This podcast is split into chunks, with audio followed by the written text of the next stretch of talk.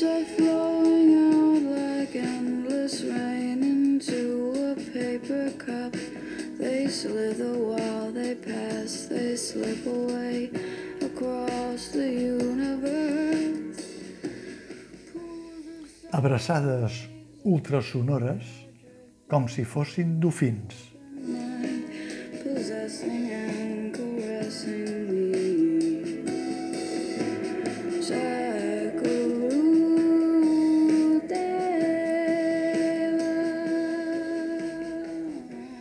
Si un dia el director Oriol Brogi i la Perla 29 van donar a conèixer aquí el dramaturg Wagdi Moawad i ja no l'han deixat mai més, ara descobreixen l'autor i director Ivan Viripayov, nascut a Rússia, Sibèria, al 74, format teatralment als teatres de Rússia, ciutadania de la qual ha renegat públicament pels actes criminals del genocida Vladimir Putin, després d'acollir-se a la ciutadania polonesa.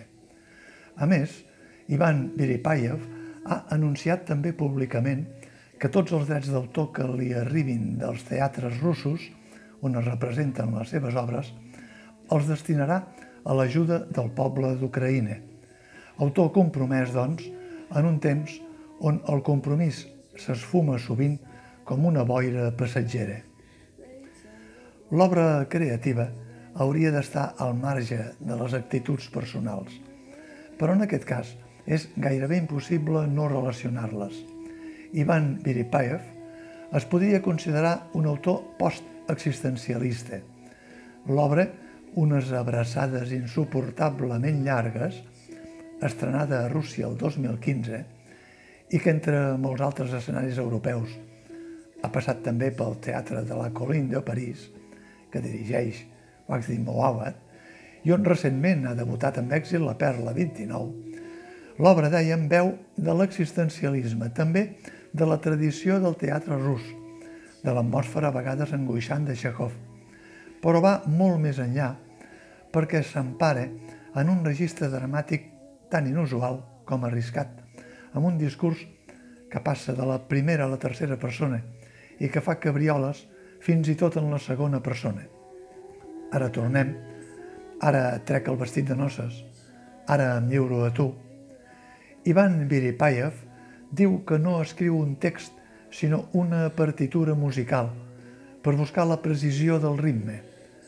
Per Ivan Viripayev el ritme és l'essència de la seva dramatúrgia i per ritme entén la veu, el text, el moviment, el cos, els colors, la llum, la música, el fum. Tot això hi és d'una manera absorbent en aquesta faula contemporània, tal com ell mateix la defineix, sobre la societat que se sent òrfana per l'absència d'una estructura espiritual. El director búlgar Galin Stoev ha qualificat la dramatúrgia d'Ivan Viripayev de llengua paradoxal, perquè posa en evidència l'estructura dramàtica i la desconstrueix.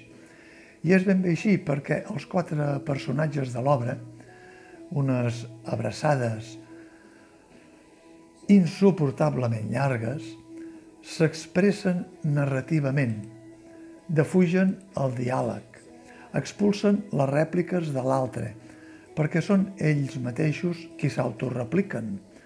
Avancen en un tempo de velocitat impensable en teatre, però no defugen les reflexions internes, ni citacions d'altres personatges, i sempre amb una expressió de conflicte intern, de fugida cap al no-res, de la recerca del Déu antic que en els temps que corren sembla que ara visqui una llarga excedència laboral.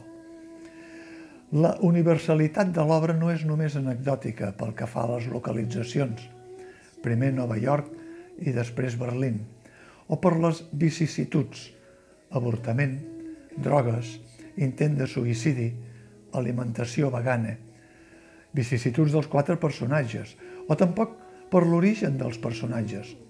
Una és de Sèrbia, una altra de Polònia, una altra de Txèquia, sinó per la profunditat del discurs de cadascun d'ells.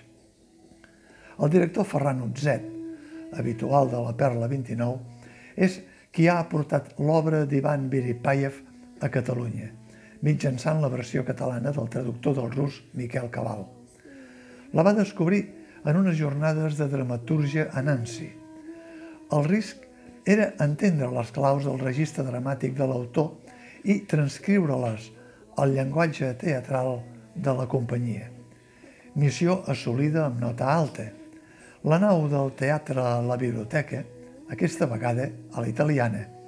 L'escenari, trepitjat pels espectadors, pot semblar reduït, però aviat s'obre en profunditat, com un univers amb un punt blau a l'horitzó o com un oceà amb l'horitzó com a punt final. L'altre risc de la posada en escena era que els quatre intèrprets protagonistes entenguessin el discurs i el registre tal com els arribava en estat pur. També missió assolida.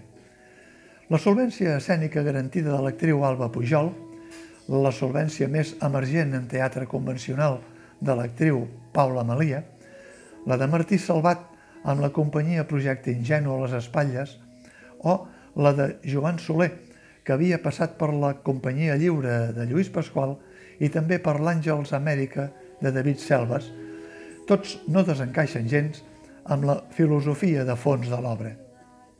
Desconstruir el que en una altra situació serien un seguit de monòlegs és encara més difícil que enfrontar-se a un monòleg convencional, perquè cal transmetre l'angoixa interior de cadascun d'ells per fer-la convergir en una angoixa, com deia al principi, postexistencial, col·lectiva, molt del segle XXI. I la partitura musical, anunciada per l'autor per aconseguir el ritme, Ferran Onzet ha trobat la clau en la presència d'un personatge que no té un paper dramàtic, però que hi és present durant tota la representació, el músic Jordi Busquets Rovira, que pel que fa al teatre ja ha intervingut en els últims dos o tres anys en espectacles del Teatre Nacional de Catalunya o al Teatre Lliure. Aquí, amb guitarra elèctrica, modulació a tempo i joc de les paraules, pujada de decibels quan la desesperació puja també de to, decibels en descens quan l'angoixa baixa d'intensitat. No es podria entendre l'obra sense l'aportació de la seva banda sonora permanent. Diuen que els dofins tenen una qualitat única entre el regne animal, que és el de comunicar-se amb l'emissió de clics amb un llenguatge ultrasonor que s'acosta al llenguatge humà i amb una sensibilitat capaç de patir el dolor i gaudir del plaer.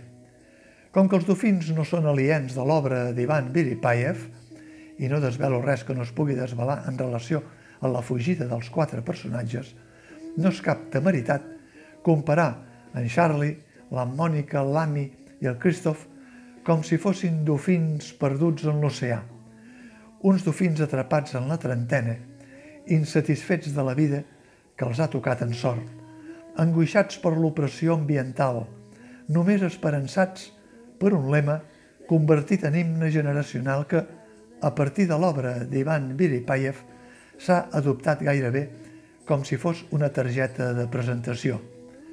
Jo et trobo, tu em coneixes, la meva tendresa es troba amb la teva i l'univers s'expandeix. Say